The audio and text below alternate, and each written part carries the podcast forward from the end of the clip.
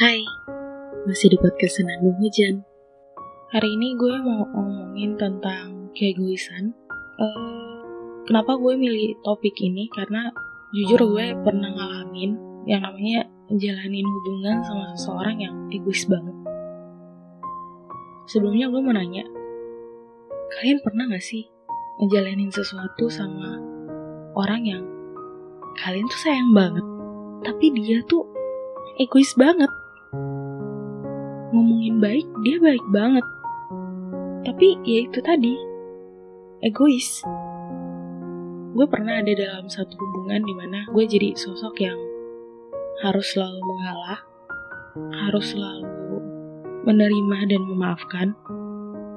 Mungkin ada yang bakal berpikir bahwa ya lah dia egois kan karena emang lu nya aja yang izinin lu nya aja yang nurutin makanya egonya makin tinggi dan gak berubah sama sekali. Sebenarnya bukan itu sih poin yang mau gue bicarain sekarang. Gue tuh gak, gak ngerti sama orang yang seolah-olah hidupnya tuh hanya tentang dirinya sendiri. Kayak lu gak paham aja. Kalau bagi gue yang namanya suatu hubungan itu tentang kita dalam artian dua orang berbeda. Bukan tentang diri saya sendiri dalam tanda kutip ya saya sendiri. Dan menurut gue ketika kita memutuskan untuk ngejalanin suatu hubungan ya kita udah siap untuk menyatukan dua kepala. Ya even itu hanya pacaran ya belum sampai ke tahap menikah. Tapi ya emang sih yang namanya pacaran tuh nggak bisa menjamin bahwa setelah menikah kan sama apa enggak. Tapi kasarnya ya kalau menurut anak muda sekarang ya kayak pacaran tuh kayak ngelatih lu gak sih? Buat saling kenal. Dan lagi-lagi tujuan lu apa sih dalam pacaran itu? Gue pernah dengar seseorang ngomong bahwa statementnya kayak gini ketika lu niat pacaran serius, lu tahu tujuan lu ke mana, dan tujuanmu itu untuk sesuatu yang lebih pasti, misalnya kayak ke jenjang pernikahan, ya udah nggak usah pakai drama. Itu itu kayak kalimat yang wah bener banget ini. Nah masalahnya balik lagi ya soal ngomongin soal orang egois. Dulu gue pernah ada di suatu hubungan di mana gue diharuskan untuk 24 jam 24/7 gue harus ada buat dia. Entah itu langsung or by phone. Jadi ketika uh, meet up oke okay, meet up. Tapi ketika uh, gue balik ke rumah and then kayak dia habis ngedrop gue gitu di rumah dia baru beberapa langkah dari rumah tuh dia udah nelfon gue lagi gitu. Awalnya sih gue ngerasa kayak wah dia nggak bisa jauh dari gue. Wah dia sayang banget nih sama gue. Wah gue penting banget nih sampai dia mau tahu selalu keadaan gue kayak gimana. Tapi lama-lama gue jadi mikir kayak secara nggak langsung tuh gue kayak di penjara. Gue kayak kayak semuanya serba diatur. Ya sebenarnya awalnya gue nggak masalah sih. Karena bagi gue selama itu baik it's not a big deal buat gue tapi ya nggak sampai segitunya juga. 24 jam waktu gue dalam sehari ya bukan tentang lo doang. Dan jeleknya lagi tuh orang tuh gak mau yang namanya ketika kita on the phone terus dia tuh dicuekin. Gue tuh nggak boleh ngomong sama orang lain. Yang mana gue secara langsung dipaksain untuk ya ketika teleponan sama dia gue harus hanya di kamar. Bahkan gue nggak boleh ngapa-ngapain hanya boleh beneran on the phone sama dia di tempat tidur tiduran sambil tiduran atau cuman duduk-duduk. Tapi fokus tuh bener-bener ke dia. Gue nggak boleh sambil ngerjain sesuatu apa lagi sampai dia dengar kalau misalnya there's someone talk to me oh my god. Itu dia bakalan kayak langsung matiin telepon. Awalnya gue kayak ini orang kenapa sih? Gue coba memahami dan gue coba berpikir positif thinking bahwa oh mungkin dia uh, mau gue selalu fokus. Dan wah dia terbiasa nih sama gue. Dia nggak bisa sendiri nggak bisa tanpa gue. Tapi lambat laun gue ngerasa ketika dia sama sahabat-sahabatnya dia sama teman-temannya dia atau dia sama keluarganya dia dia nggak mau gue ganggu. Bahkan dia tuh nggak nggak hubungin gue sama sekali. Literally sama sekali enggak misalnya kayak telepon terus dia paling cuma ngomong kayak oh gue lagi sama keluarga nih chat aja ya. Tapi ketika oke okay, chat aja. Gue ngechat dan awalnya gue ngechat tuh kayak yang ada di otak gue sih kayak gue bukan mau ganggu dia sama keluarganya dia gue tahu itu waktunya dia. Cuman selama ini yang gue tahu bahwa pada saat itu dia tuh butuh gue dia mau gue nemenin dia tiap saat.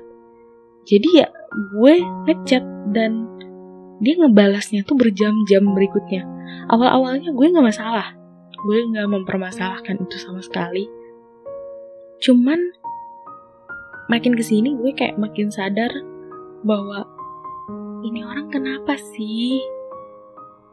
Apa yang salah sih? Karena ketika dia bareng keluarga dia nggak mau gue ganggu tapi ketika dia satu langkah meninggalkan keluarganya dia satu langkah keluar rumah misalnya dia akan hubungin gue.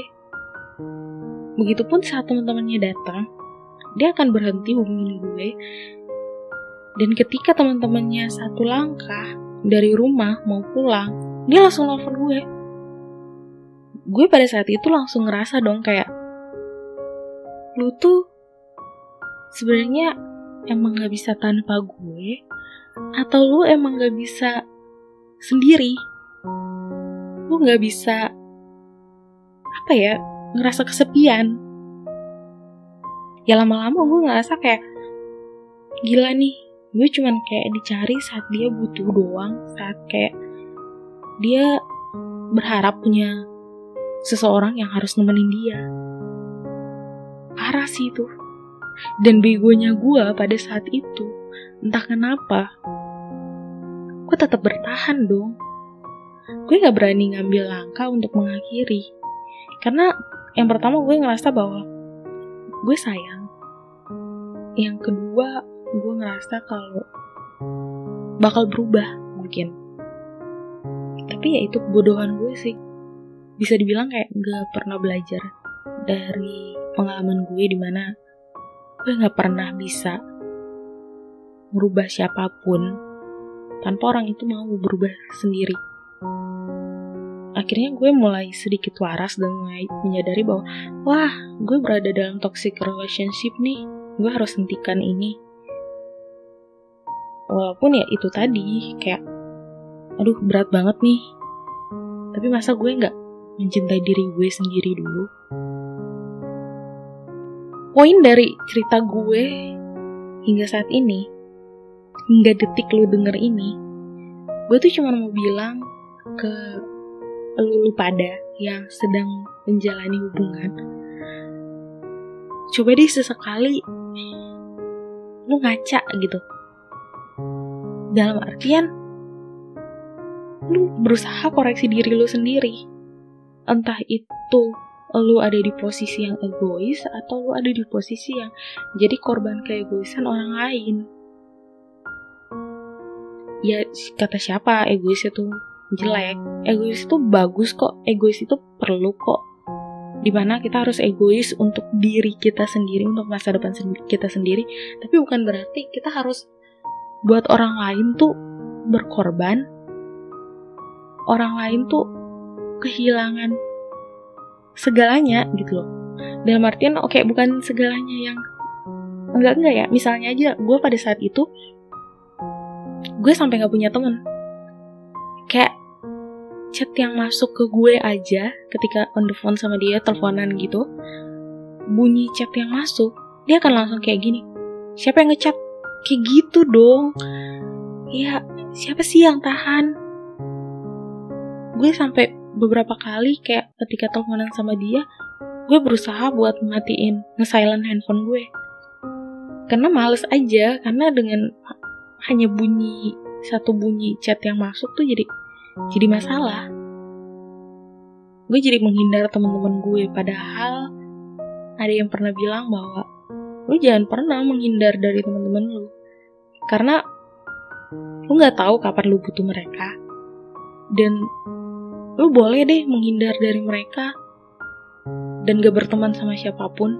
Andai lu bisa jalan di bumi ini sendiri ketika lu harus berpulang alias lu meninggal.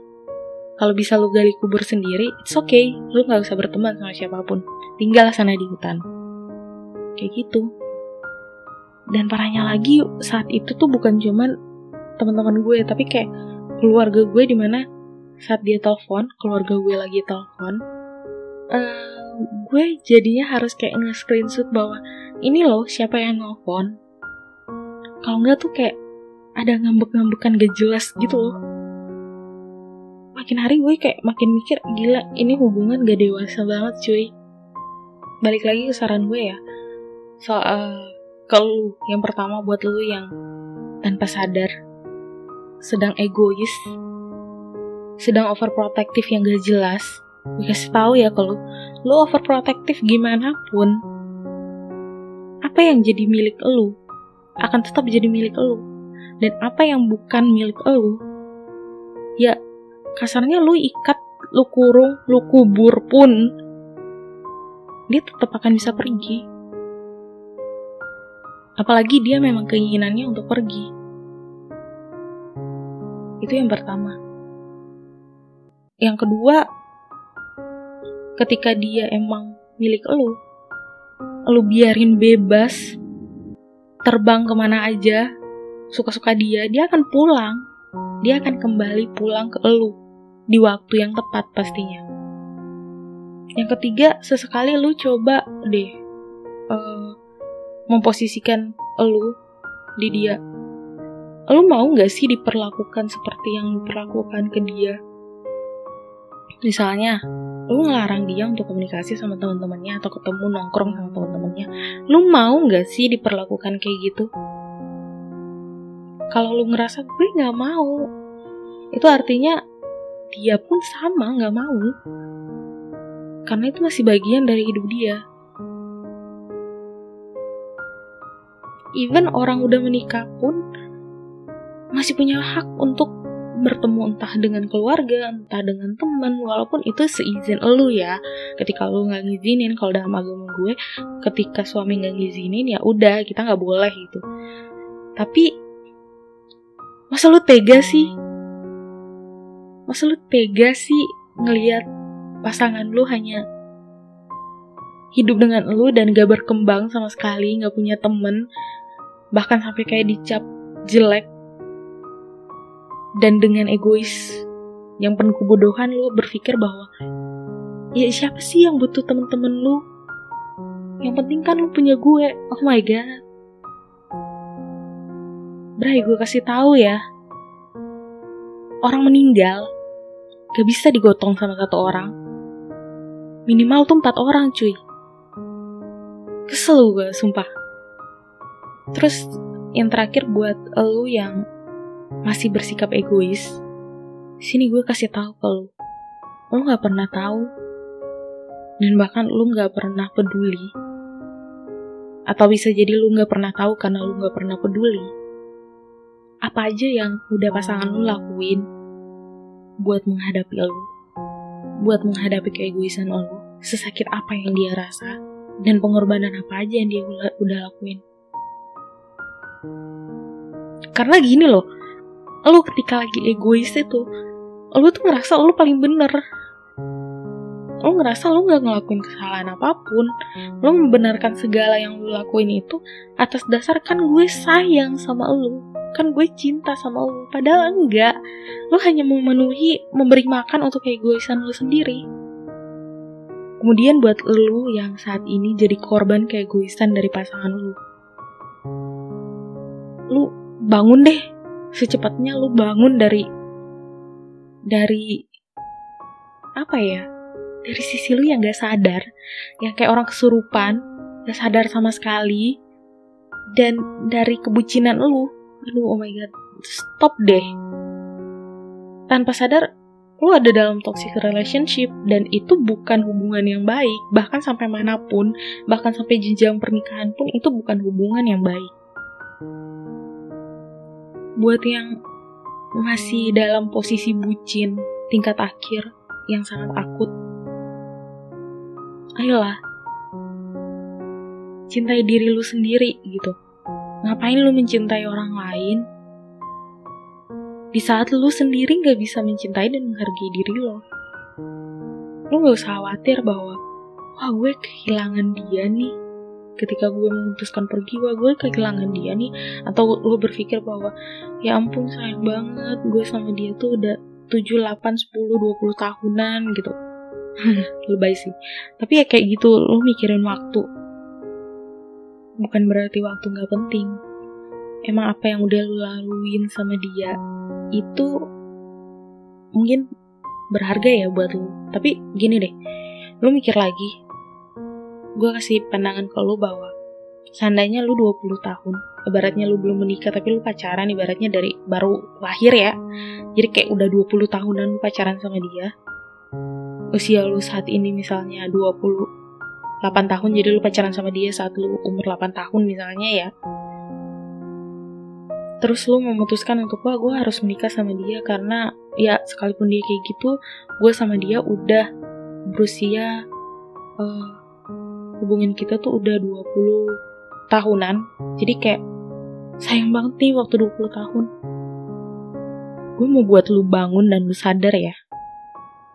Lu lebih sayang usia lu yang waktu lu sama dia yang 20 tahun dengan cara lu mengorbanin sisa usia lu untuk barengan lagi sama dia yang selalu nyakitin lo lebih lama lagi. Kasarnya gini deh, lu 28 tahun ya, kayak balik lagi ke tadi, lu 28 tahun. Saat itu lu udah pacaran sama dia 20 tahun. Menurut lo, lu kira-kira bakal meninggal usia 30 tahun. Which is hanya nambah 10 tahun nih. Jadi masih kalah dong waktu gue 20 tahun yang sama dia. Nanggung lah, nambah aja 10 tahun gitu biar gue meninggal sekalian gitu kan enggak gimana kalau misalnya lu berdua menikah dan lu berdua hidup terus sampai taruhlah 60 tahun berarti dari usia 28 tahun lu masih ada sekitar um, 32 tahunan cuy 32 tahun itu lebih lama daripada 20 tahun lu mau mengizinkan itu terjadi. Oh my god. Sadar dong, jangan bucin-bucin banget. Inti dari omongan gue yang panjang lebar gak jelas dari tadi, yang mengandung sedikit emosi, itu tuh cuma dua. Yang pertama, lu mau belajar buat introspeksi diri lu sendiri sebelum lu berkata-kata, sebelum lu melakukan sesuatu, sebelum lu buat aturan sesuatu untuk pasangan lu, lu uh, aplikasiin dulu ke diri lu sendiri. Lu ngerasa dulu bahwa kalau gue diginiin sama pasangan gue, gue terima nggak ya? Gue mau nggak ya? Gue risih nggak ya? Gue ngerasa di penjara apa enggak ya? Itu yang pertama. Yang kedua, lu sebelum pacaran, sebelum lu mencintai orang lain, belajar dulu deh buat mencintai diri lu sendiri. Jadi ketika lu disakiti, lu tuh gak bucin-bucin amat. Karena lu ngerasain bahwa gue lebih mencintai diri gue dan gak butuh orang lain untuk mencintai gue. Karena gue bisa membuat diri gue untuk kayak diri gue tuh butuh diri gue aja untuk dicintai gitu. Itu aja sih dari gue. Sorry kalau misalnya omongan gue kali ini kurang beraturan karena biasanya gue nulis dulu sebelum gue ngomong tapi kali ini tuh kayak gue pengen di episode random thing ini gue mau apa ya ngomongin apa adanya yang langsung keluar dari mulut gue tanpa perlu gue uh, tulis dulu, gue edit dulu, gue baca lagi, gue saring lagi, gue nggak mau. Gue mau pure apa yang keluar dari mulut gue dan sama seperti ketika ke depannya andai gue ngundang beberapa tamu untuk uh, ngobrol sama gue di podcast ini khususnya di uh, random things ini semuanya pure dari pendapat kita tanpa ada yang dipotong, tanpa ada yang diatur-atur dan yang lainnya. Oh ya, kalau yang nanya random things itu apa, ntar gue taruh di uh, deskripsi bawah.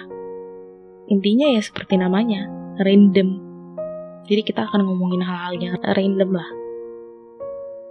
Gitu aja dari gue untuk hari ini. Gue Ica pamit undur diri dari ruang dengar Anda semua. Sampai ketemu di podcast selanjutnya. Bye-bye.